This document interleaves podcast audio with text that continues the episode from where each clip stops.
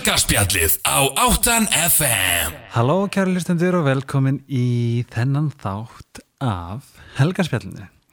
Ég kom með til mín alveg mega góðan gæst en hún uh, blessaði okkur íslendinga með Bröð og Kó en hún er einna eigundum og markastjóri Bröð og Kó. Einnig eru jógikennari, aðtatnakona og jógagúrú og almennur heilsugúrú Eva Dögg Rúnastóttir. Hæ, Þú þarft að vera sér svona alveg alveg svona, svona helst ok, geggja, um, Líðið vel? Já. Gott, mér liði mjög vel. hvernig hefur það? Er þetta ég var að pæla hvort að liðið vel í stólnum? Sittur þið vel? Já, ég er svona að finna mig hérna, Já, er ekki ég er að spá ég að fara úr skónum kannski. Gerða það og ferum í stellingu Já. um, Hvernig hefur þetta hana? Ég hef það bara mjög gott. Gott Já.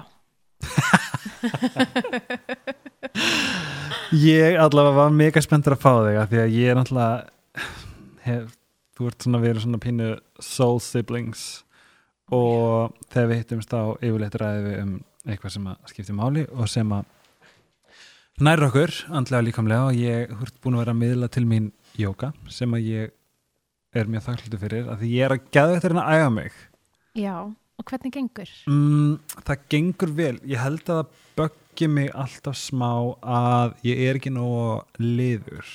Það er svo mikið miskilning. Ég er ekki nóg liðali. Þú ert mjög er gaman Það er mjög gott að hafa það í jóka. Sko.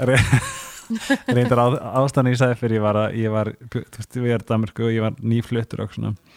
Og ég manni hvort ég hafi annarkvort verið í jóka, ég manni hver ég var. Eða crossfit. Mm. Og já, já, já þegar nýbyrjuð crossfit og ég var að segja að, veist, ég er ekki liðali nögg.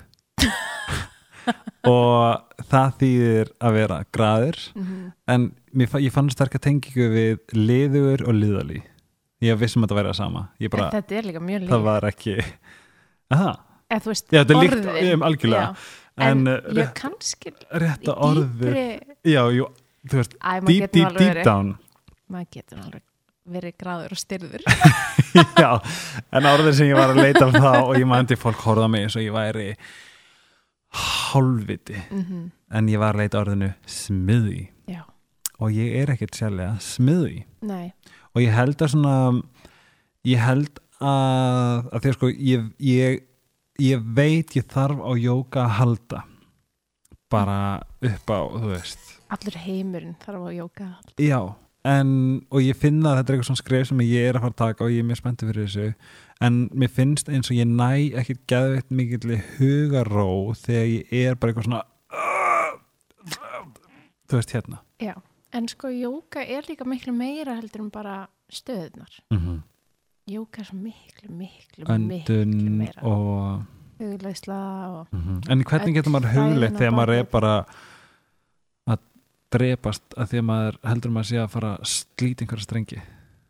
Þegar maður situr svona eins og við situm núna. Nei, þetta er alltaf Já, sko þú getur hugleitt bara, þú veist, liggjandi. Já, Eða já ég stól. styrstu Já, já það. að því að vatn stimulera mig Vatn er svo heilandi. það er fáranlega Við heilandi erum líka bara, hvað er við, 70% vatn. Allt líf er út af vatni Ég veit að tunglið stjórnar vatninu -hmm. Og þess vegna er svo mikilvægt að vera í góðum tengstu við tunglið. Og vatn. Og vatnið.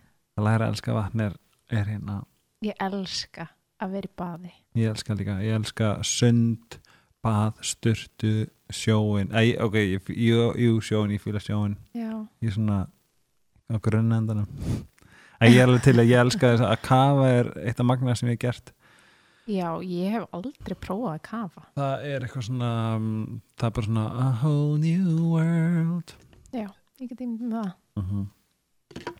vildi djús? Já, takk.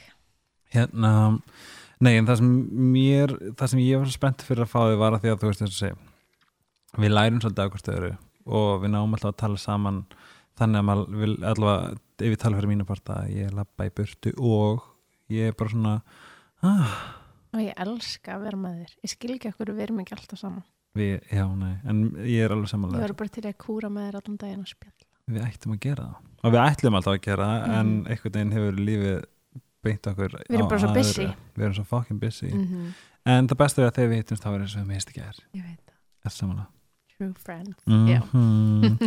En ég var líka spenntastur yfir því að leiða fólki að kynnast því sem ég fengi að kynnast fyrir því að þau sem ekki þekkja þig og, og það er líka hérna sem sagt ég hef við höfum aldrei farið eitthvað í fortíð eða neitt svoleiðis og ég er svolítið spenntur að heyra Já.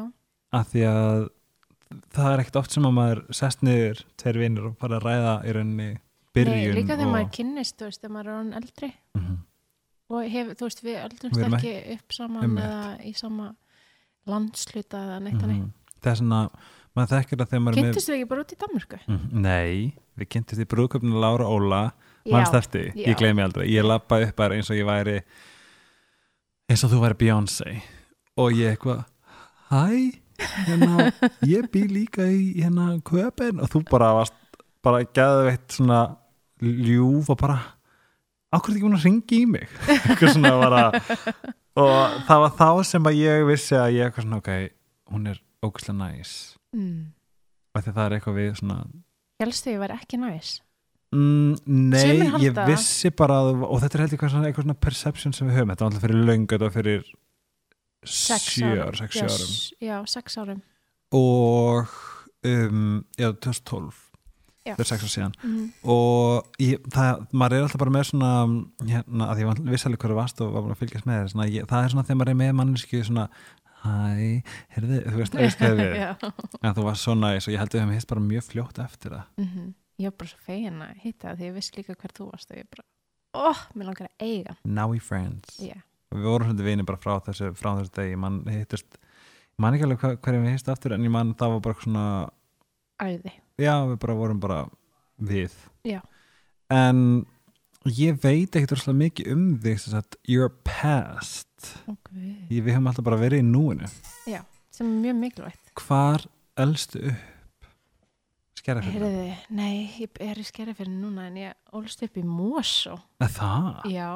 Eða, ég- fyrst ég fætt í Reykjavík og bjó í Breiðholti fyrstu sex árin Mhm. og svo fluttum við í Mosó og ég, þar var ég svona alla mínu grunnskóla göngu í Mosfellsbæ. mm hvernig krakki varstu Um, ég var öðruvísi, ég var kannski svolítið öðruvísi heldur en þessi típisku Mosó krakkar, þú veist. um, en ég var, þú veist, ég var alveg frekar opinn og, og svona mjög, hafa mjög svona strax svona frekar sterkan persónlegan stíl. mm -hmm. ja, Um, klætti mig alltaf öðruvísi föt heldur en hinn er og var að sapna höttum. Aha. Já. varstu í svona vintage eitthvað Já, hérna mamma kallaði mig alltaf blómabarnið af því að Ah. ég var algjör hippaskonsa strax sko. en samt með Mm. stíl, þú veist, Já. maður er ekki bara eitthvað mussa þetta er eitt, þetta er eitt finnasta íslensk orð já, ég kefti mér svo fínu mussu og sem mussa Já, en þú sagði mér áðan sem ég vissi ekki, þú varst í ballett Já ég byrjaði bara þegar tveggjára vá. Já, svona ungbarna eitthvað, svona barnadúlu ballett mm og svo bara hætti ég ekki. Ég var líka í fimmleikum en svo ákvað ég frekar að fóksir á ballett og var í ballett bara þangað til ég var átján. Já, Og ok. svoleiðis. og þú varst bara að dansa bara á fullu? Já, ég fór í listanskóla í Íslands og var bara rosa mikið í ballett. mm. Og svo prófaði ég alls konar. Ég var í klassískum ballett en svo er líka aðeins jazzballett og modern og eitthvað. Mm að ég en ég hérna það er annað sem að þú einmitt segði mér áðan það var að í þessum ballett að þróaru ákveðið hvað sjúkdóm ekki satt kom, kom þetta út frá ballettinum eða var þetta eitthvað sem að bara í rauninni hvernig, Sko, ég veit það ekki. Ég, na, ég held Manstu að þetta hafi alltaf eitthvað svona aðeins dýpri rætur og ég er alveg búin að vera um, þú veist að spá í hvaðan það kemur og þetta Mhm. hefur, þetta er eitthvað dýpra heldur en bara, þú veist það er ekkert allir sem fara í ballett sem að bara hérna, f- þróa með sér átröskun en þetta Mhm. er kannski ítir undir eitthvað sem að er nú þegar til staðar mm um, og ég veit það ekki ég hugsa sko, ég hef, ég hef alltaf verið svona frekar visual manneskja -hmm. og hef alltaf verið með um, ég veit það ekki sett kannski svolítið mikla kröfur á sjálf mig á svona sk- skrítin hátt mm. ég hafði strax rosalega mikið áhuga á hérna, á einmitt, þú veist fötum og, og svona hvernig ég byrtist öðrum Mm sem er kannski alltaf rosalega gott -hmm. skilur það er bara, mm, ég held ekki bara að það er eitthvað sem að við erum svo mikið að díla við bara svona í okkar nútíma, sérstaklega núna skilur við já, já, þetta er líka svona Íslands þing, Mhm. af því að á Íslandi þá hérna þá þekkja allir alla, allir vita hva, hver allir eru og Mhm. veist og það er svona eins og alls upp í smábæ og ég ólst náttúrulega upp í litlum bæ Mosó, Og- já. Já. og hérna ég veit það ekki, ég held að það sé svona á Íslandi þá erum við rosalega fókusir á um, hvað öðrum finnst og það allir vita svo mikið um alla og allir vita Og hver það er eru og, veist, já, það er tengingar allstar og þú einhvern veginn kemst ekkert frá svona þú sem að ég veit ekki hvernig maður getur útskýrt það. Maður er á svo erfitt með að oft erfitt með kannski bara að finna sjálfan sig. Mhm. Þú veist, ég, mér finnst ég ekki hafa fundið sjálfa mig fyrir en ég flutti til Danmörkur Mhm. og, og hérna hvarf svolítið í fjöldan Já, og já, fekk já. bara að vera ég En ef við förum aðeins aftur í ádörskununa því að veist, hva, hva, hvernig byrja þetta hvernig, hvernig þú veist ég meina þú verður alltaf verið grönn já, já, ég hef aldrei átt við neinn Nei. vandamál ég veit ekki, allt í henni gerðist bara eitthvað tengst það reyfingu eða mataræði eða hvernig, já, ég var, hef alltaf verið rosalega hérna, svona aktív og ég, þegar ég var að æfa ballett þá var ég, ég var að æfa sem mest þá var ég að æfa fjóra klukktíma dag sexum í viku. Um, og þá man ég að þú veist það var svona sagt við okkur já já, núna er það að æfa rosalega mikið stelpur þannig að ekki vera eitthvað að missa ykkur í súklaðikeksinu eða eitthvað þannig. Ah. sem er svo mikið þess og ég held að þetta sé búið að breytast í dag.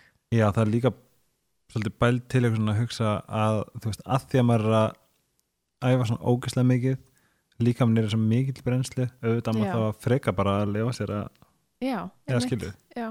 en náttúrulega þú veist þegar maður einhvern veginn er fyrir framann spegla í allan daginn dag, og, og get, við er, ég veit ekki, er með eitthvað tendensa og svo, þú veist, var ég á þessu tímabili það var svona mikið í gangi í heima hjá mér, þú veist. Mamma og pappi voru skilja þú veist, alls konar í gangi Mhm. og ég á viðkvæm aldrei og ég veit ekki og þá var þetta eitthvað sem ég leitaðist í eitthvað svona stjórnun Mhm. að, hérna, að, að svelta sig, stjórna með mat og útliti og, Mhm. og það er svona eitthvað tendan sem að ég er hérna að fatta í dag svona á mínum fullorins árum og að þú veist að þetta situr rosalega fast í mér svona að eins og ef maður og ég veit að þetta hljóma rosalega vittlaust þess vegna ætla ég bara að segja það upp á. Að þú veist, ef maður hérna er ekki alveg fullkomin svona út af við það, þú veist, er ekki er ekki nógu sætur eða nógu mjór eða eitthvað, eins og það hafi eitthvað með að gera hvað, hvað þú gefur heiminum sem er svo Mhm. mikið algjörlega.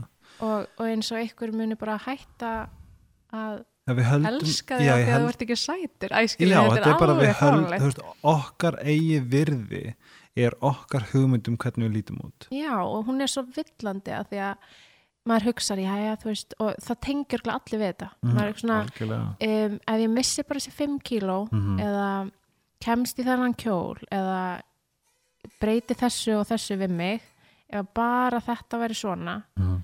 þá verði ég hamingjusum þetta er, ég ég er, þetta, þetta er nefnilega 100% þannig og ég einmitt er sjálfur bara mjög segur um þetta en það er alltaf líka að þetta er eitthvað sem ég er búin að díla við sérstaklega bara svona núna bara síkastið eða svona ég er bara svona átta mig á því það er að við erum líka veist, þetta er svo algengt mönstur að við segjum líka þegar ég verð Já, massaður eða þegar ég verð þetta Mhm. eða þegar ég loksist kemst frá köpen þegar ég ba, ba, ba. Já. við erum alltaf ósálrátt held ég alltaf í þessu já og þegar. þú veist, Og svo gleymum við að lifa. Já, þetta er eitthvað svona frestun og flótti og þú ert ekki núinu og Mhm, þú ert alltaf að leitast eftir einhverju öðru og einhverju betra og mhm. svo um leið og þú passar í buksunar missir þessi kíló, flytur í annar land þá finnur þú bara eitthvað nýtt og þetta snýst ekki um þetta þetta er eitthvað miklu, miklu, miklu dýbra í manni og maður þarf að díla við það og þá skiptir ekki máli hvort þú sért á þú veist um, skilur 5 kílóum og þungur á reyðaferði að þú Mhm. ert bara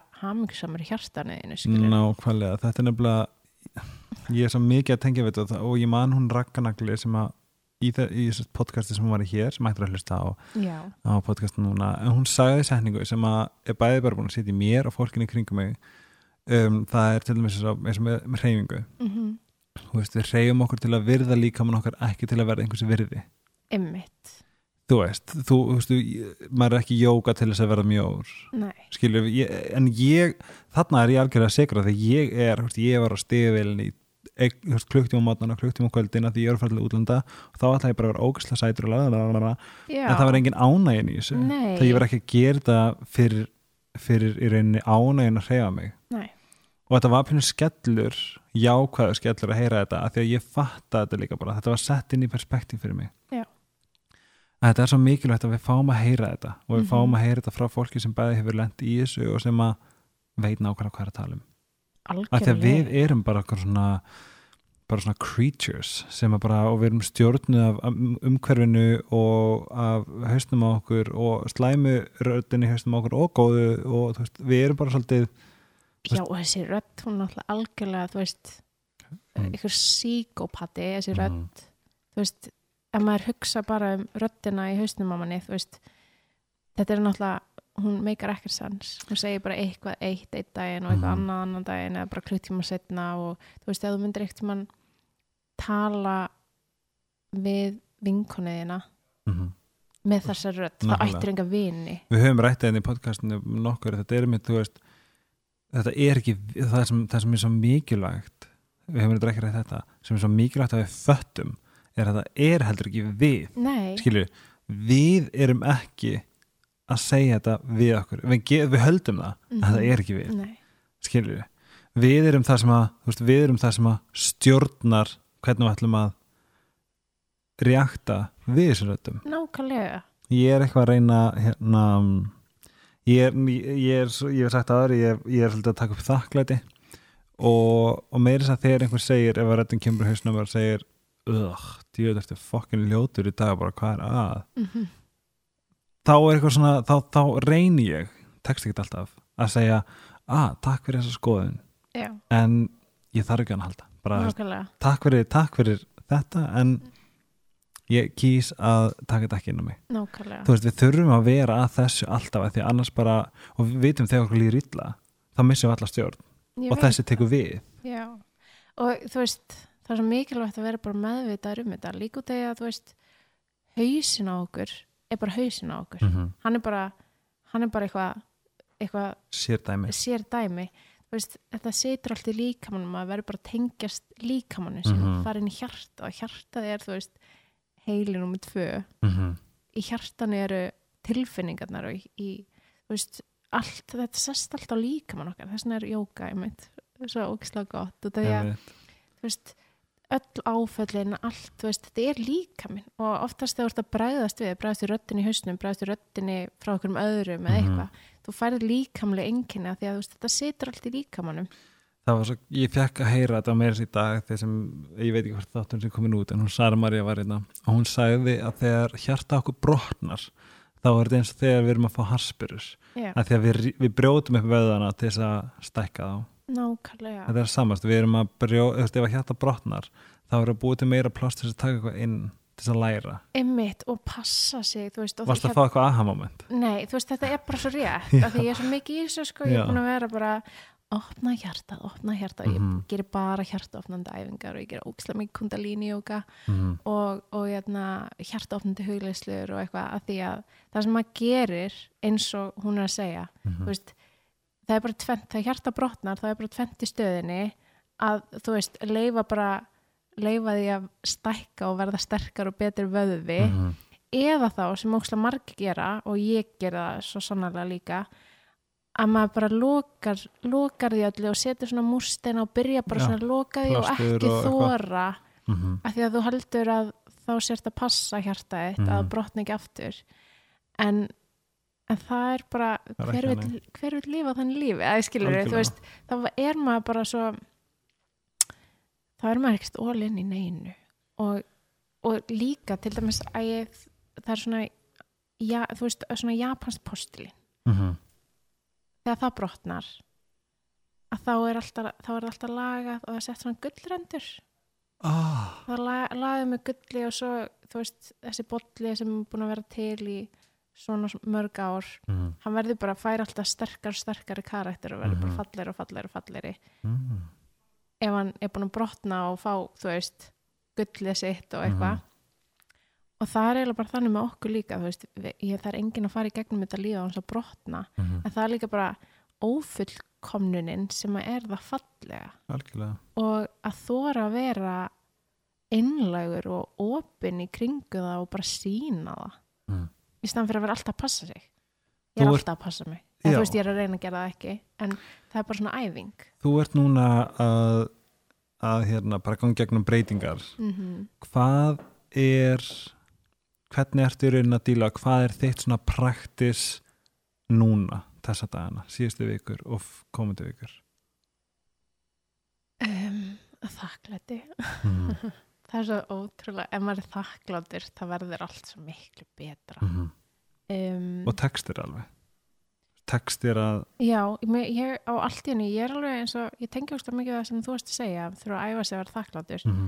og, og ég var alveg, ég menna fyrir árið síðan þá var ég svona, já ég er ekki nóg þakklátt ég þarf að æfa mig fyrir því, já, æfa mig að vera þakklátari Mm. en mér finnst það svona auðveldara núna um, og mér finnst auðveldara bara svona að sama hvað þú veist sama hvað er í gangi og sama hvað maður er að díla við að þá hefur maður bara svo margt til að vera þakklátti fyrir Mm. og það er svo beautiful og það er svo beautiful að vera að díla við þetta því að það gerir mann bara að betri mannesku Mm. þú veist, ef maður bara tekur allt það sem maður er að díla við og Mhm. er þakklátti fyrir, er þakklátti fyrir Mhm. verkefnin sem maður fær Mm.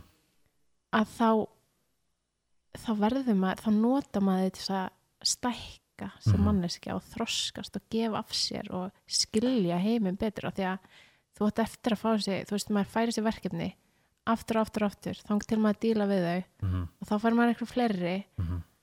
af því að maður þarf að læra þú veist, þetta, Algjörlega. þess vegna erum við á lífi til að læra Hvað hefur verið svona þín stærsta leksía síðasta árið? Hvað hefur verið svona þitt stærsta svona ah, að taka ábyrð á sjálfur mér. Að taka fulla ábyrð á öllu sem ég geri. Mm. um, og öllu sem ég lendi í. Að taka ábyrð á því öllu. Þetta er allt mín ábyrð þetta er allt mitt val. Og að taka fulla ábyrð á mistökum og þú veist sigurum, Mm taka bara ábyrð á því og óna það. -hmm. Og nota það í eitthvað. Mm -hmm. í staðan fyrir að sitja og vera eitthvað "Æ, ég nefnir hvað er á Íslandi og er þú veist eitthvað. Mm ákveður ekki sól, þetta er svo mikið sökkfest, þú veist, -hmm. að bara Ég nefnilega glemdi mér í þessu. Og ég get alveg, ég var að tala um það ég, ég er pínu ég er pínu að svona um, ekki, að- ekki ég er svona eiginlega bara svona að slá þessa hendina mér. Að því ég sé það hvers síðustu þrý mánur, ég sett flytt frá köpen hingað og og mitt. Ég sé jú, ég sé alveg eftir að ég hafi ekki tæklað þetta öðruvísi. Og því ég svo, svolítið í volæði ég hafði ekki ég hafði ekki einhvern veginn, ég fann ekki alveg þessi verkværi, hvernig ég gæti nýtt með þetta til góðs. En núna þegar þetta er að koma að enda, ég er að fara aftur út þá sé ég alla myndina. Já, og þetta er eitthvað sem að ég finn að ég þurfi að nýta mér til lærdóms er að ekki öllur samantölum með hann ég hugsa alltaf díla þetta þegar ég bara ko- þegar ég komin aftur. Mm skilrið þetta er líka þessi flótti Mhm. þú veist. Ég hef líka, þú veist, það, það, maður, er, veist, maður heldur alltaf að það sé allt betra einhvern veginn öðruvísi. Mm -hmm. og það er svo auðvelt að bara flýja allt en á endanum þá er maður kannski bara svolítið að flýja sjálfan sig. Og þetta lagar alltaf ekki neitt. þú veist, þú flýrð aldrei sjálfa þig af því þú ert alltaf í hausnum að þér skilur, Mhm. þú ert alltaf með þig þannig að þannig að þú veist, þá kannski hamingjan ymmit á reyða fyrir þig Líka Not the same girl, not the same Nei, bara svona, einhver út að ég myndi alltaf hver vill ekki vera að segja þessu, skilur við allir vita að hann Já, nei, það. ok, ok, ég held að vera að vitna í minn einmitt, ok. Ég ætla að segja hérna, það. Þú Nei, vissir að bara svona að einhverjum bara, já, ég elska að segja Er það þessu? Ég vildi að ég vera frá að segja þessu. Ég segi við flýtjum bara til Já, Æna, búum bara- bara einastóra kominu Þorvaldi Davíð mögulega fyrir að heyrðu, bæjastjóri ef hann verður bæjastjóri Þá flytjum við. erum við fluttust. Við erum bara hann mættust. Nei, bara við byggjum og búum Gerum og sköpum bara geggja jókastúdjó og djúsbar og höldum ykkur acai ból, höldum ykkur götunni. trilltar kakusermóniur og eitthvað matavag Já, sober bar Já, ég, Já. ég, ég, það er líka, ég held að það sé eitt af skrifin sem ég er að fara að taka, það er að vera eitthvað aftur. Þetta bögum ekki neða, þetta er ekki þannig að ég, er engin vandamál, ég er búin að ná gæðu stjórna öllu, þessast varnir ekki, en ég tók mig þryggjara pásu, mm en ég finna bara, að þetta er ekki að, þetta er ekki að bæta lífsgæði mín fyrir fimmura.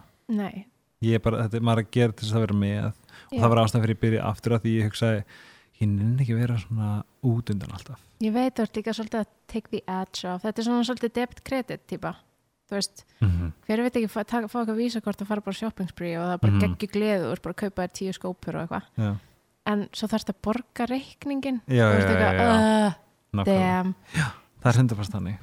það er svona svolítið að detti það að bara, þú veist, gle, þú ert að fá lána gleði morgundagsins og svo verður bara að borga Já, vá, hvað er hér? Vá, go- ég fatt ekki fyrst hérna refan nú sé hann 100% það er 100% sannleiðis.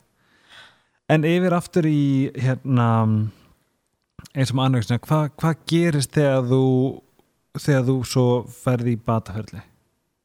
Varstu komið langt um, niður? Já, eða þú veist, ég fór þarna á bugl og, og alls konar, þú veist, þetta var náttúrulega fyrirvændi kæðist minn, hann fattaði þetta og, og, og vinkonum mínar og svo var þetta komið, eða þú veist og þetta var bara svona svolítið erfitt tímabil fyrir fjölskyldunum mína þannig að þau kannski föttu þetta síðust um, og já, þá fór ég á göngu deild hjá bugl og ég man að, og ég var bara ekki til að ég fór í fyrskipt til sálfrængs Mm -hmm. ég var oft verið sálfrængs eftir það, það er æði Mhm.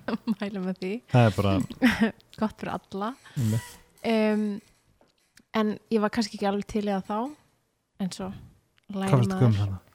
þú veist, ég var 18 ára, eða 17, Mhm. 18 eitthvað, slis og þau voru öll rosalega neikvæð sko fyrst það sagði við mömmu bara já, nei, nei þú veist, hún á bara eftir að vera rosalega lasin og undirbúðið bara fyrir það og þetta er allt í fokki og eitthvað svona Einmitt. þess að manni eftir Út af mómenti. mótránu þínum þá Já, ég var bara ekki til í að neina samvinnu og ég veit það ekki, þú veist, þetta er kannski eitthvað skonar um, ákalla hjálp þegar maður er komin á svona slemt stig eða eitthvað. Um, en svo man ég að ég satt á landsbytalanum og ég þurfti að fara í eitthvað hérna, próf um, í svona einhverju tölvu það var eitthvað svona tölv, eitthvað tölvuherbyggju og ég þurfti að fara í eitthvað svona um, próf um hvort það væri eitthvað meira heldur en bara ádröskun, hvort það væri með eitthvað fleiri geðsjúkdóma eða veist, Mhm. eitthvað svona og það var strákur í hliðina á mér sem að var bara búin að vera inn og út af hérna, geðdelt frá því að hann var lítill og hann skildi ekki sum orðin út af því að hann var búin að vera svo lítið í skóla. Og, og ég hugsaði bara, vá, við erum jafningar hér. Mhm. og þarftu ekki aðeins að fara að vinna eitthvað með fara að gera, eða þú veist, svona, það var svona smá reality check, skilur um, sem að gerða verkum að mér langaði að fara í bat og það er oft svona þegar maður er komin á þetta stig þú veist, það er bara hormona trublanir og þú fari ekki neina næringu í heilan og Mhm. skilur, ég hefna þannig að mér langaði ekkert að láta mig batna en þá, þá gerðist eitthvað svona að mér langaði til þess. Og ég var líka hann þreytt á að það þurfti að passa mig svona svo ég var lítið batni, ég mátti ekki gera neitt ég mátti ekki fara neitt ein, ég gæti ekki borða eða þú veist, Já. og þetta var það var bara leðilegt sko. Það sem þú ferð markvist bara í, í þannig bata fór svona þarna. að reyna að láta mig batna en svo er þetta, þú veist þetta er ekkert ósvipa því að vera bara alkoholisti Mhm. að þetta er um, þetta er eitthvað skona fíkn á bara allt annan hátt Mhm. og eitthvað sem að þú þarft að vera meðvitaður um alltaf á hvernig degi og, og eitthvað sem að maður leitar kannski í sem eitthvað öryggi Mhm. þegar það er mikið í gangi eða eitthvað, já að þá þarfti að vera svona svolítið meðvitaður um það. Um, og ég er alveg já, ég þarf alveg að vera meðvitaður um það á hvernig degi, þú veist, alveg ennþá. Mhm. og þótt að ég sé ekki að svelta mig þá er þetta samt bara þessi rödd í hausnum. Mhm. um, og það var eiginlega ekkert fyrir en að ég varð ólétt af fyrsta barninu mínu, ég á tvö börn. Og það var eiginlega ekki fyrir en ég varð ólétt af honum bassa Mhm. honum bassa mínum. Að ég byrja að byrja eitthvað skona virðingu fyrir líkamannu mínum mm ég var alltaf bara að fókusera á að, að hann væri ekki nú flottur, eða þú veist, að það Mhm. væri eitthvað ekki eins og það ætti að vera og ég væri alltaf mikið svona hinsvegin og eitthvað. Hvað, 26 þá ertu að velta blessa? Já, ég var 20, 20, 27 Já. var 20, já, eitthvað slags 27 ára. Og þá er þetta bara, þá þetta ennþá þannig sem búið að hafa alveg áhrif á þig. Já, eða þú veist, ég er bara svona á, rosalega auðvelt með Já, að þú veist, ég veit ekki hvernig maður þess að orða það svona ótrúlega brútal það er bara svona hata líkama minn skilur þá, þá. Já. Og það var eiginlega ekki fyrir að ég veit ekki heyrist en mér langar næst ég að færa mikrofónun að Palla er því hann er að að- þess að. Palli vinur minn situr í sófanum nei, liggur í sófanum svoandi ég ætla að gákast það, ég ætla að Ok, Þetta heyrist ekki, en sér hvað þetta er hávart hérna inn í herbygginu ég ætla að kasta hann Hann penna. Já, ok. þú ert að hrjóta svo hátt að ég held að sko að fólki heyri inn í síman sinn Það er að passa að Herðu, við viljum ekki að klippa þetta út. Við viljum bara hafa þetta með í þættinum. Já, yfir að þig Eva. Já um, Já, ég var með rosalega svona stert líkamshattur ef maður á að segja það þannig, bara svona alveg brutally honest. Þá svona, En hvernig, ég meina þú veist nú ertu með, einmitt, þú veist, bara mjög hellan bakgrunn í þessum málum. En hvað, þú veist, fannstu varst ekki að bugast á því öll þessi ár? Veist, hvað gerður, hvað sagður, hvað, hvað gerður til að reyna að láta þig líða betur eða fá betri sjálfsýmynd eða varstu bara frekar var bara með frekar brotna sjálfsýmynd já, en ég byrjaði, þegar ég flutti til Danmarkur þá, þá byrjaði ég í jóka og ég byrjaði, ég kefti mér fyrstu hérna um, hvað á maður að segja sjálfsjálfbar bókina hvað heitir hann? uh, You Can Heal Your Life Mín eftir Louise Hay mín fyrsta hétt How to be happy oh. og hún er geðug sko Já, er mín líka, æði. mín geðug sko. Mhm.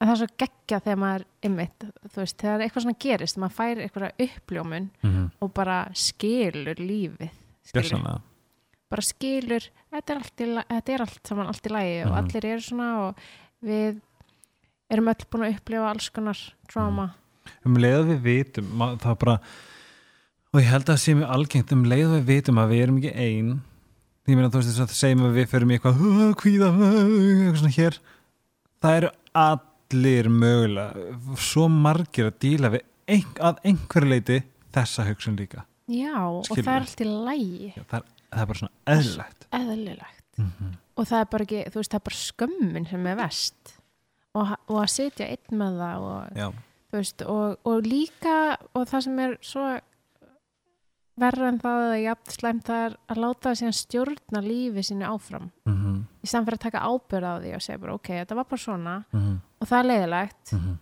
og, en ég ætla ekki að láta það stjórna restina lífi mínu, ég ætla að Nákvæmlega. nota það til að læra og, og verða betri. Ég er ókslega fegin að ég hafi fattað þetta freka snemma. Mm Þetta byrjaði með 2012 með Björt. Já. Hún var minn life coach. Já. og það er innið, hún plantaði öllum þessum fræjum sem að svo gáði með þessi verkværi sem til að geta haldið áfram þú veist, the journey svoleiðis. Um, og ég er alltaf þakkli fyrir að ég hafi verið hvað, það, 20, 20 ára?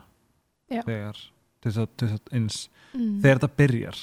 Einmitt. Nei, 20 og það finnst mér vera algjör líkill að ég get núna því að þú veist, fólk heldur að þetta sé ógeðslega mikið vinna en þetta er ekkit auðvitað er þetta vinna, þetta er sjálfsvinna að þetta er bara sama og bustið í tennar já, it's og þetta er líka do já, skilurðu. og þetta er svo skemmt þetta er það og það er ekkert skemmtilega að eiga samtal við eitthvað það sem að fær ah, ég er búin að fatta þetta, einmitt. Þú veist.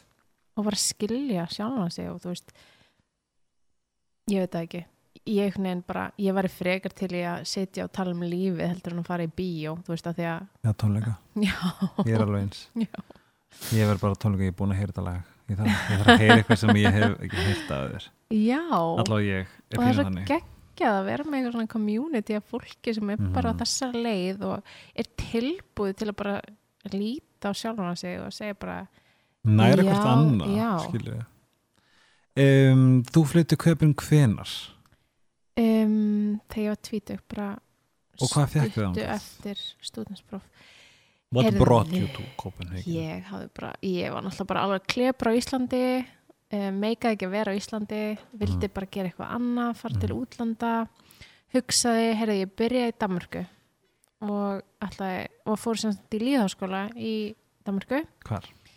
e, rétt fyrir utan Orhus den Mm. skandinaviski designháskóli já nú byrjar í hönnum þar Já, þetta er svona skóli sem að hjálpar grafiskum hönnum, fatahönnum, arkitektum að sækja um í stóru háskólanum. Ok, að gera bara þóli hvaða skóla fórstu í? Ég fór í Teko. Ah, ok, í Herning. En Og- ég ætlaði, ég ætlaði bara að fara til New York eða Paris eða eitthvað. En svo Mhm. bara ákvæði að sækja minn skóla með einhverjum vinkonum mínum, danskum vinkonum mínum. Og ég komst inn og ég er svona, "Nei, ok, byrja bara þarna. Og svo bara eitt herning, eitt hvað er? Jó, Það er, það er á Jótlandi, miðju Jótlandi sko. Það varstu þær í hvað, þrjú, fjör ár? Nei, ég bjó bara þar í tvö ára eða eitthvað svona, svo Ok. flutti ég til Orhus vá, ég veist það eða ekki. þrjú ár, já, nei, jú, jú. Og þú klára það, e, er svona næstu því, ok, svo fekk ég bara vinnu sem yfirhannur hjá nýjum merki sem að hétt Red Issue og var selt í NTC back in the days. Það er það, hér?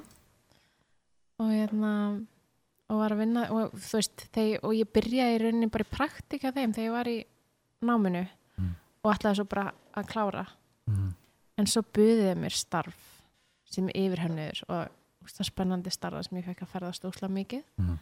og gera ósla mikið og ákvælt sjálf og ráða mér sjálf og, og þá var ég eitthvað svona ég nenni ekkert í skóla aftur nákvæmlega ferðu vinna. við til Samsu Samsu? e, ég byrjaði þeim lók 2009 ok Já. í köpun, eru þau í Já. köpun? þá var ég nýflutt í köpun er það ennþá í? Nörbrú? Já. Kasper er vinnað núna eða það, já, hvað er hann að gera? hann er að sjá markasmál auðvitað, skemmtilega stildin já, fyndi ef þú varst þar já, ég En var bara þar og þeirri skrifstofu sko. er svo ekki rétt til mér að þú startar ein merki innan Samsu Samsu Já, ég var að vinna þar um, bara að sjá um svona um, öll millikolleg sem bæði fyrir herra og já, sem dömur. kemur sem sagt, ekki oflísal heldur all, Já. allt það á milli Já, Mhm. ekki, ekki þessi tvö stóru mm -hmm. heldur um, þessi þarna sem eru gerð með hálsás Mhm. fyrirvara, Mhm. ekki ári á undan þannig að ég er svona það hefur alltaf verið svona það sem ég verið að gera er svona mest að spotta svona trend og hvað er að gerast og, og húrra því að stað en merki sem þú startar Já, og svo hérna, ákveðu þau sem sagt að þau vildi gera eitthvað sem að væri mitt meira svona trend-based merki og aðeins ódýrara heldur en samsamsri. er það útýrara? Envi, er það? já, að Það þú svona startar ódýrara. merkinu Envy Já. sem er E E-N-V-I-I Já.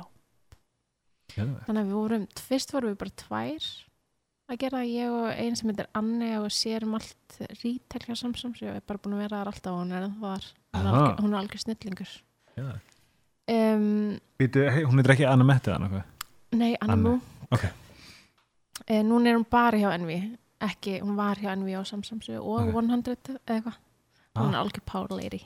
nice. en núna er hún bara hjá Envi Envi er orðið svo stórt en hérna já þannig að það voru bara við tvær og við vorum bara alltaf út í Asju að gera eitthvað og þetta var óslega skemmtilegt og svo kom einn önnur sem var svona bæjar mm -hmm.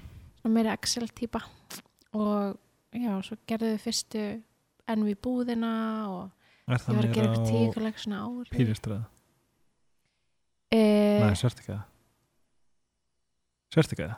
nei, hvað, hvað heitir á Hjá Acme. hotninu hjá hei og þar og hjá, pýriströða? já, já, já, já. hún er fyrst var hún ekki fyrst?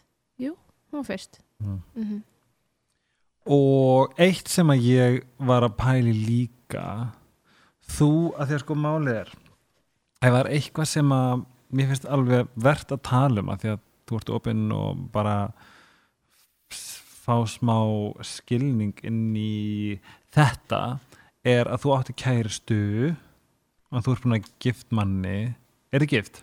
Já, Gusti? Já.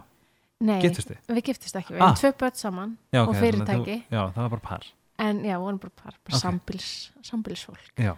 sambilsfólk en þú átti kæristu, hvenar, hvenar voru þeir saman?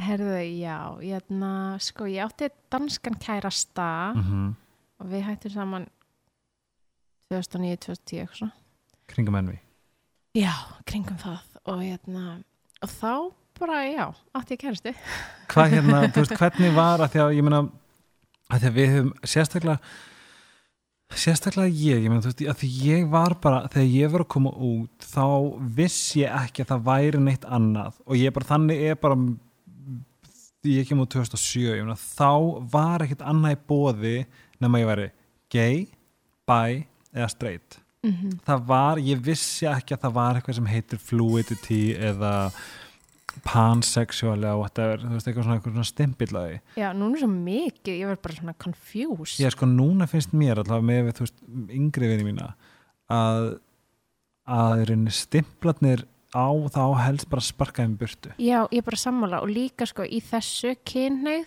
og líka í svona helsu Mm -hmm. og þú veist, öllu þessu það er, það er alltaf fólk er svo ógæslega, ógæslega, ógæslega, ógæslega upptekið að að setja allt í svona kassa Emmett. og það verður að skilja, þannig að það get ekki skilið nema þú passir inn í kassa Mm -hmm. bara, ég heiti Eva ég er jógakennari ég er græmitsæta, eða þú veist, skilur í staðan fyrir og svo, ef þú, og svo um leið þú setið þig í eitthvað kassa og svo óvart ferði eitthvað pín út úr honum Þá er það að bara, bara panik allir og bara, byrju hvað ertu, þú veist, eitthvað. Já, og hérna, Mér finnst það mjög holdt og það ég á einn vinn sem slæra á hendina mér af því ég, ef ég bara, já, er, hérna, er það stelpa, er hún, er hún lesa? mm og þá er oft bara eitthvað svona býtu, það fæ ég þetta bara. Býtu nú við skiptir að máli hvað hún er? Ymmi og ég þá líði mér bara sem eins og gamli skólin bara eitthvað, "Ah, vá, hú, shit veist, ég meinti alls ekki þannig, bara Nei. vá, ég var bara já, þú veist, ég, þú veist, ég hefði kannski hægt að spyrja og þú veist, en þetta er orðið þetta ný, rauninni þetta er það sem er komið núna, já, sem ég finnst frábært af því að Mhm. ég vildi að hefði verið þannig að mér. Ég vildi bara, ég hefði eignast kærast og það var engin pælt í því og og, mér finnst bara kynnslóðnar yngri heldur en ég, mér finnst það bara miklu betri, það er allir miklu betri þeir eru bara búin að fá eitthvað varum um að ræða í gær að þú veist svona þetta 80s, 90s uppeldi, það var eitthvað svona já, hérna er Já. good luck já, já, og svo núna, svo þegar ég á börn reyndar mamma mín algjör hænumamma en þú veist svona Hænumamma? já, svona, hún er svona er mikill, bóm, mikill bómynd en en þú veist, það er sem svona svolítið að vera enginn að spá í eitthvað mikið svona uppeldis aðferðir Mhm. og þú veist, einhverja stefnur í því og bla Mhm. bla bla á meðan núna er einhvern veginn fólk svo meðvitað sko. Mhm. og líka bara veitir börnunum frelsi frá day one sem að finnst mér finnst líka ekki ekki veist, ég man bara mér, veist, og enn þetta er dag ég, hugsa, ég hef oft hugsað með mig hvað ef ég verið ástögin á konu?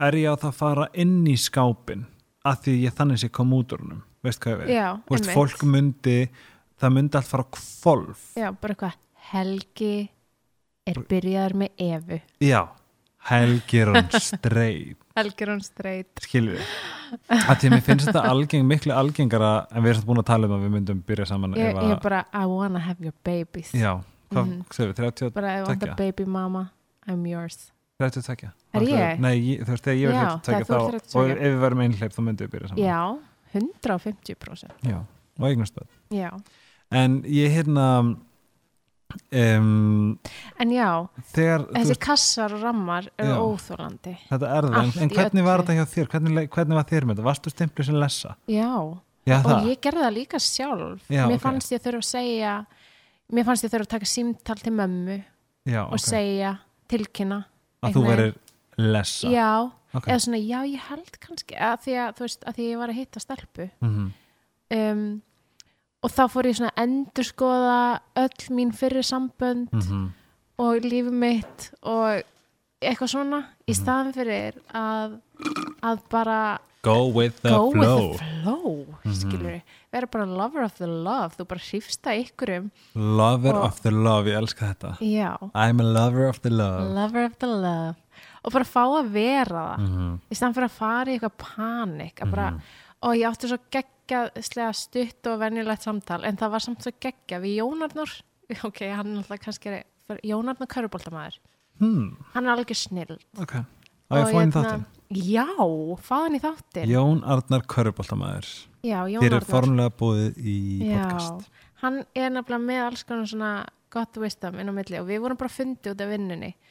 Og hann var að óska mér til hamingu með að hafa selt húsið uh, að þegar ég er að fara að flytja og hérna, Mhm. við erum að skilja og seldum húsið okkar og hérna og ég er alveg app, app, app, app, app, app, uh, ekki óska mér til hamingu af því að það er ekki selt þú veist, það er bara komið kauptilbáð og hann bara, Mhm. já, ég meina, er það ekki bara næstu selt, skilur Mhm. ég eitthvað, já það er með fyrirvara og þú veist, já en þú veist, það er eiginlega bara komið, skilur ég eitthvað, já en þú veist, það er samt ekki 150 miljón prósent, skilur Mhm. þannig að bara ekki it jinxa þetta og hann bara, já, ert þú svona típa og ég bara, ha?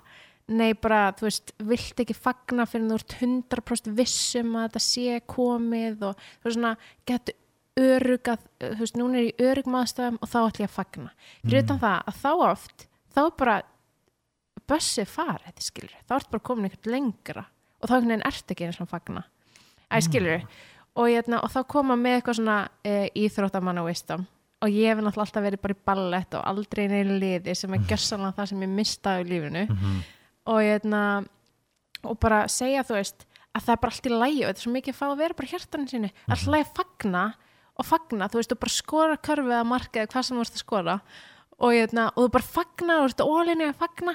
Og svo kannski vinnur ekkert leikin Mhm. en þú er samt, þú er samt fagnaru bara. Og svo ef þú vinnur ekki þá ertu bara þúsundsun sterkari fyrir viki að geta bara tekið því.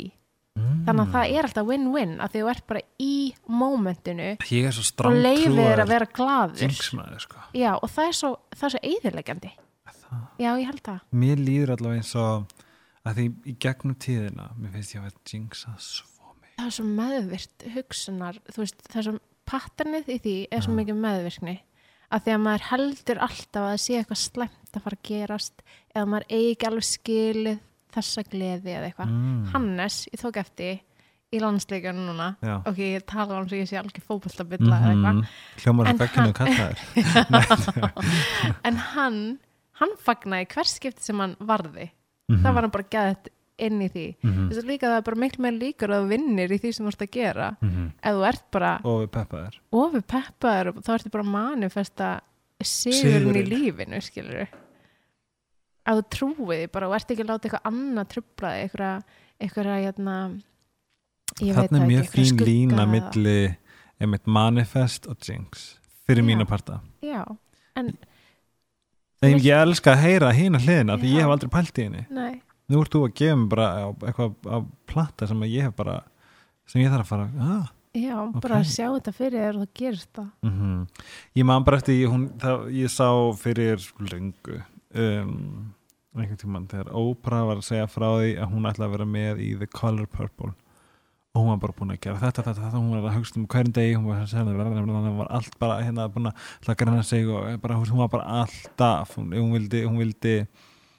vera með catering, hún vildi bara taka þátt í þessu verkefni, það var henni svo kært. Já, þanga til að hún ákvað að sleppa takinu.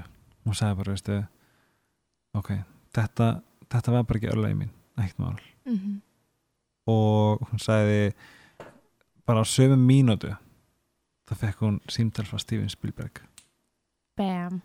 Og hún var búin að, að að að, í- þetta, ég, þetta fekk mér til að hugsa ok, ég þarf að sleppa takinu á ymsu Já, og það er líka að sleppa takinu Mhm. á því sem er, veist, hérna skuggarnir og fortíðinni, allt þetta sem er að trubla mann, að finnast ekki eitthvað ef, eig, vera manns eigið, já, það það, og líka bara að sleppa takinu á, veist, er, þetta er svolítið líka bara að vera í núinu, sleppa bara takinu, ég er glöð núna, ég ætla bara að fagna þess núna og ekki vera yfirhugsa hvað Mhm. ef þetta gerist, Já. eða, en þetta kannski, gerðist kannski einu sinni, eða, veist, þetta er líka bara eins og ef þú verður ástfangin og það er búið að brjótið er hjarta miljónsinnum og þá fer maður alltaf inn í það með einhvern óta mm sem er óslega basic. mm en það er svo miklu betra að fara bara alltaf inn í það með opið hjarta. með opið hjarta. Mm Og ég er mjög um ánæður að hafa sagt það við mig að því að nú er ég með eitthvað til að hugsa út í og eitthvað til þess að svona hmm, og líka bara að vera einlægur með það út af því að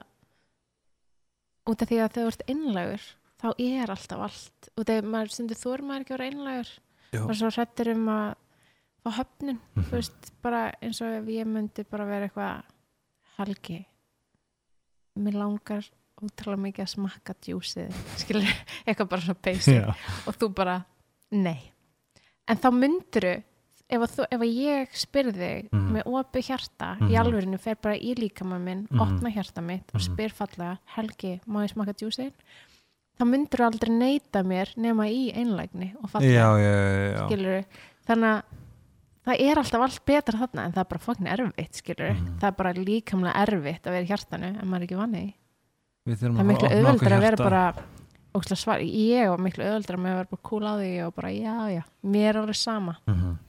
en þú veist, innstinni þá er mér ekkert er sama, mér langar bara að smakka djúsi Þú mátt smaka djúsi minn Hann er það búinn En Eva Nú þegar vorum að tala um til dæmis eins og þín upplifun á sexual fluidity. Mm. Nú, nú allavega algengara frá minni upplifun að það eru miklu fleiri stelpur sem hafa verið í sambandi með konum og svo kallum og þú veist bara já, fyllt hjartanu og, og bara verið með þeim sem er langar hvort sem það heitir pansexual eða, eða ekkert Mhm. eða fluidity eða lover of love Mhm. er þetta er þetta kvennatengt það virðist vera án svo samfélagið bara accepteri frekar mm -hmm. að konur gerir þetta að því ég velti gett fyrir mér hvort að þetta sé mitt, þú veist, að þetta er ekki samfélagslega samþygt hjá gagkin eða hjá kallmennskunni en það er svo mikið þetta mitt bara kallmennskan það er svo við erum, við einhvern veginn erum búin að fá leiði til að vera miklu meira alfa og omega meðan Mhm. strákar eiga bara meira að vera bara alfa. alfa. Ég nefnilega sko, ég pæli geðveikt í þessu. Að ég pæli, sko máli, ég hef alveg fengið einhverja gaggina að gaur segir þetta eða langar að þetta eða whatever bla, bla, bla, bla. en það var það mikið neitt. Ég er í hamingi sumur samvætti, ég þarf ekki að pæli Já. í. en um, það hefur alltaf þegar það hefur verið, þá er það í bara 100% leini og bara ekki neitt og mamma, maður, fengið eitthvað svona. Já, en það hefur oft verið spurning hvort að þeir vilji aðtegli frá homunum eða mér eða whatever eða eitthvað ego tengt eða eitthvað svo leiðis já, ég hef verið að pæla í því hvort þetta sé our human nature sem fólk eða hvort þetta sé samfélagslega tengt eða hvort þetta sé þú veist. Ég var með orðið, datum mér. Já, sko. Ef ég bara tala fyrir mig persónulega. Já, svona snýst þetta bara svo mikið um chemistry á myndi fólks Mhm. þú veist. Og þá ætti kyn líf ekki að þurfa að vera nei, eða kynfæri að vera. eða þú veist kynneigð og eitthvað þú veist ef að þú finnur eitthvað með einhverjum þá. Mhm. af því Þú ég finn að ég hef alltaf sagt að ég er ekki homma því að að- út af, út af þú veist, hvað ég er æstur í kynfæri. Þetta er svo miklu meir en það. Mm þetta er orka þetta er, þú veist, þetta, uh, veist ég verð ekki ástofangin af, af kynfæri. Nei, veist hvað við já það er svona það er líka svo gaman að pæla í þessu skilur Mhm. hvað félstu fyrir til dæmis? Hvað var, hvað var það í henni sem að þú sko, hún náttúrulega hún var náttúrulega hún var sko, þú veist, hún hafði bara aldrei verið með strákum, næstu, já, held ég. Mm um, og hún var rosalega mikið bara lessa. Var hún svona stráka að lesa. Æ, va- ok, vá. En veist, ég veit það, við erum bara að gera nákvæmlega sem við vorum að tala um. Já, þetta er, En veist- ég meini þetta ekki þannig. Var hún bara svolítið svona, já, svona pínu já, já. Hún var alveg svolítið þannig. Og mér fannst það alveg spennandi. Og mér fannst líka alveg spennandi hún var með einhvern, veist, hún var frá New York. Hún var einhvern veginn e, e, í allt öðrum heimi heldur en ég. Og hún kynnti mig fyrir fullt af ykkur nýju og öðruvísi og skemmtilegu sem ég var bara ekkert búin að vera partur af. Mm um, og mér fannst það bara ótrúlega forvitnilegt og gaman og, og ég var alveg, þú veist, svolítið mikið í þessu líka eftir að við hættum saman og þú veist, þá og þú varst það. skotin í henni ég, já, tímabili mm svo, þú veist, var ég bara skotin í ykkur um öðrum stelpum, skilur líka já um, En þetta bara svona þegar við vorum að tala, sorry, ég, svona, nú, nú fæ ég bara móral yfir að sagt Já. strákastelpa, en ég meindi ekki þannig, ég Nei. meindi bara gamla skóla reffin sem að við erum vön. nú erum við bara að taka dæmi Já, veist, en ég þetta, hún myndi lýsa sjálfur sér örugglega þannig líka já, tomboy. já, En ég meina bara svo ragga okkar sem að er hérna áttunni. já, Skilurðu, sem hún- allar stelpur trilltar í Já, skilju, hún er liggu við, ég meina, þú veist, hún er bara heit, hún er bara töffari. En það er líka, þú veist, stelpa eða strákur, hommi eða lessa. Þú veist, sumt fólk er bara Sexy. ótrúlega sexy Mm og bara, hefur ykkur orku og er bara gett, það er bara, fólk laðast bara að þeim. -hmm. Sama hvort það eru strákar og stelpur eða þú veist, og það skilja allir, þótt að fólk sé bara eitthvað, nei, ég er bara 150 miljón prósent gagkinneiður Já. þá samt sensa það orkuna á fólki, skilur að sumir eru bara meira eitthvað, að ég veit það ekki Ég er, mér líður svo þægilega, mér líður ángsins við séum bara, ég er enda búin að fá mig tyggja og ég er að drakka djús, ég, ég er að Pall er að hrjóta allir að hrjóta, þetta er ekkert smá heimilisett podcast.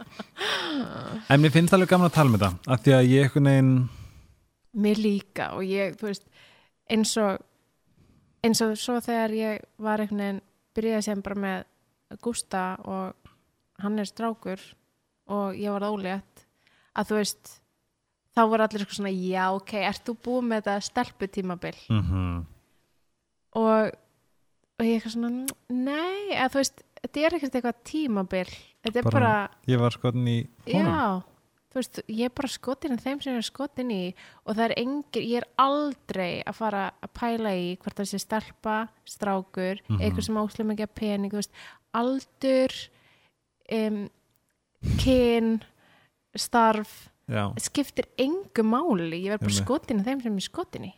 Og mér finnst einmitt bara svona hér og nú let's not put a label on it. Ég veit að líka bara We're just lovers of love. Lovers of love.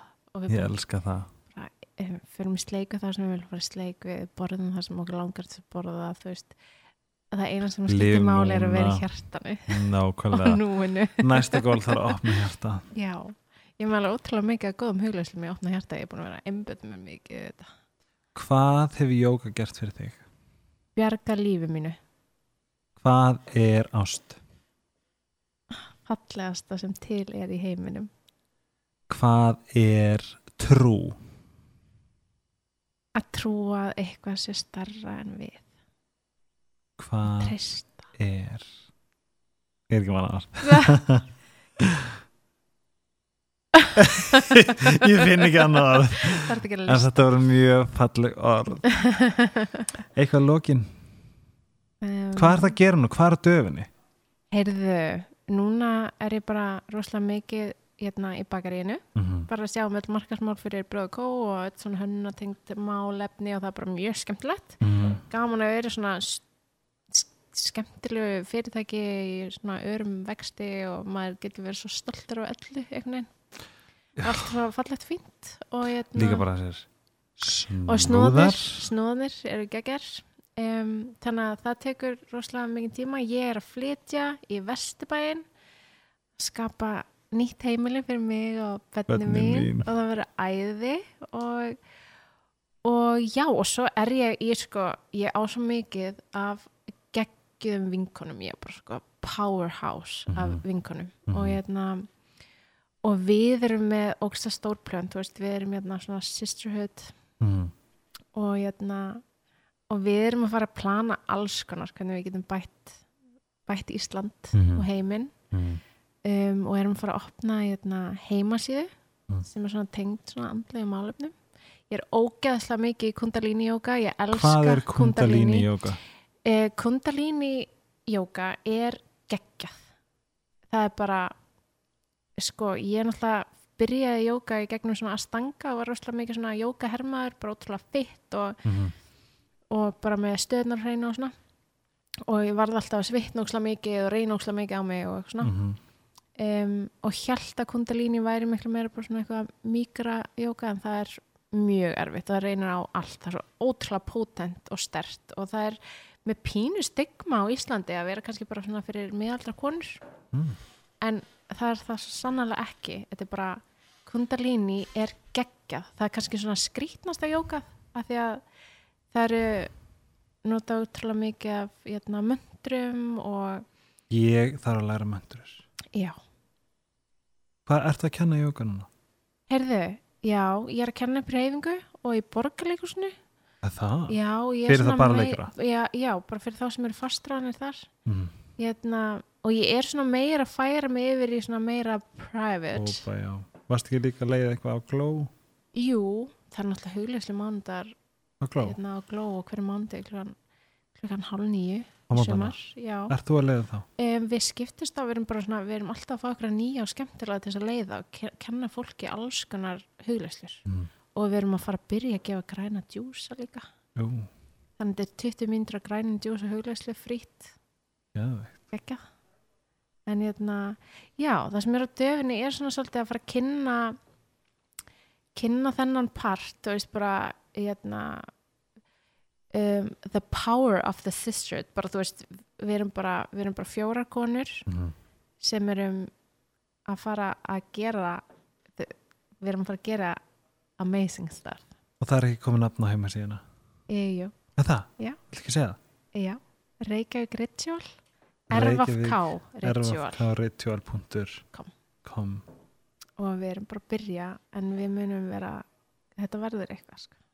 Aðeins að lokin Í því sem þú ert uh, þetta verkefni sem þú ert að gera núna varandi skilnaðin hvað er svona þitt ráð fyrir eitthvað þannig úti sem er í samanpakka hvernig ertu að koma sem heilbriðast út úr þessu?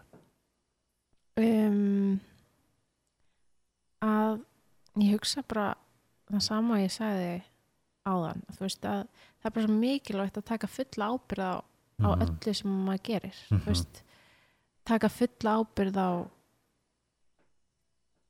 á því sem að þú gerðir og gerðir ekki Mhm. og ert að gera og það er nefnir eitthvað með val með aðstæða flott um, tekur ábyrða valinu já, þú veist þú velur hvar þú ert, þú ert aldrei fornalamp þú ert Mhm. aldrei fornalamp mm -hmm. og þegar maður er gangi gegnum eitthvað erfitt eh, breytingar þá er svo oft svo auðvelt að setjast á gólfið og vera bara, ó, hvað er það að gerast fyrir mig en jötna, en það er alltaf einhver ástæða og, Mm -hmm.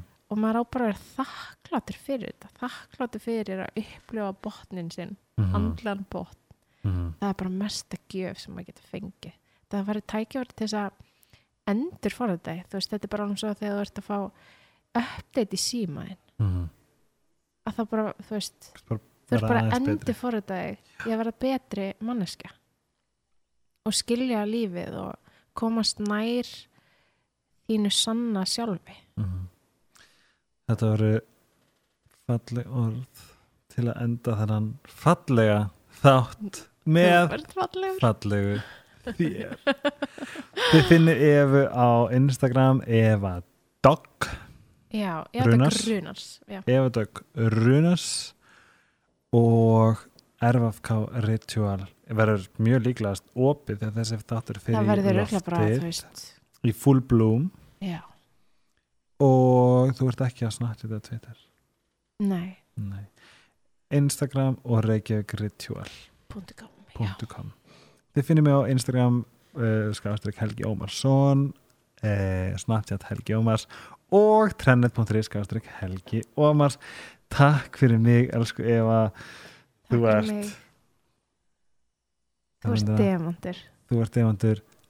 Namaste. Namaste og satnam. Satnam. Þú ert að hlusta á helgarspjallið á 8 FM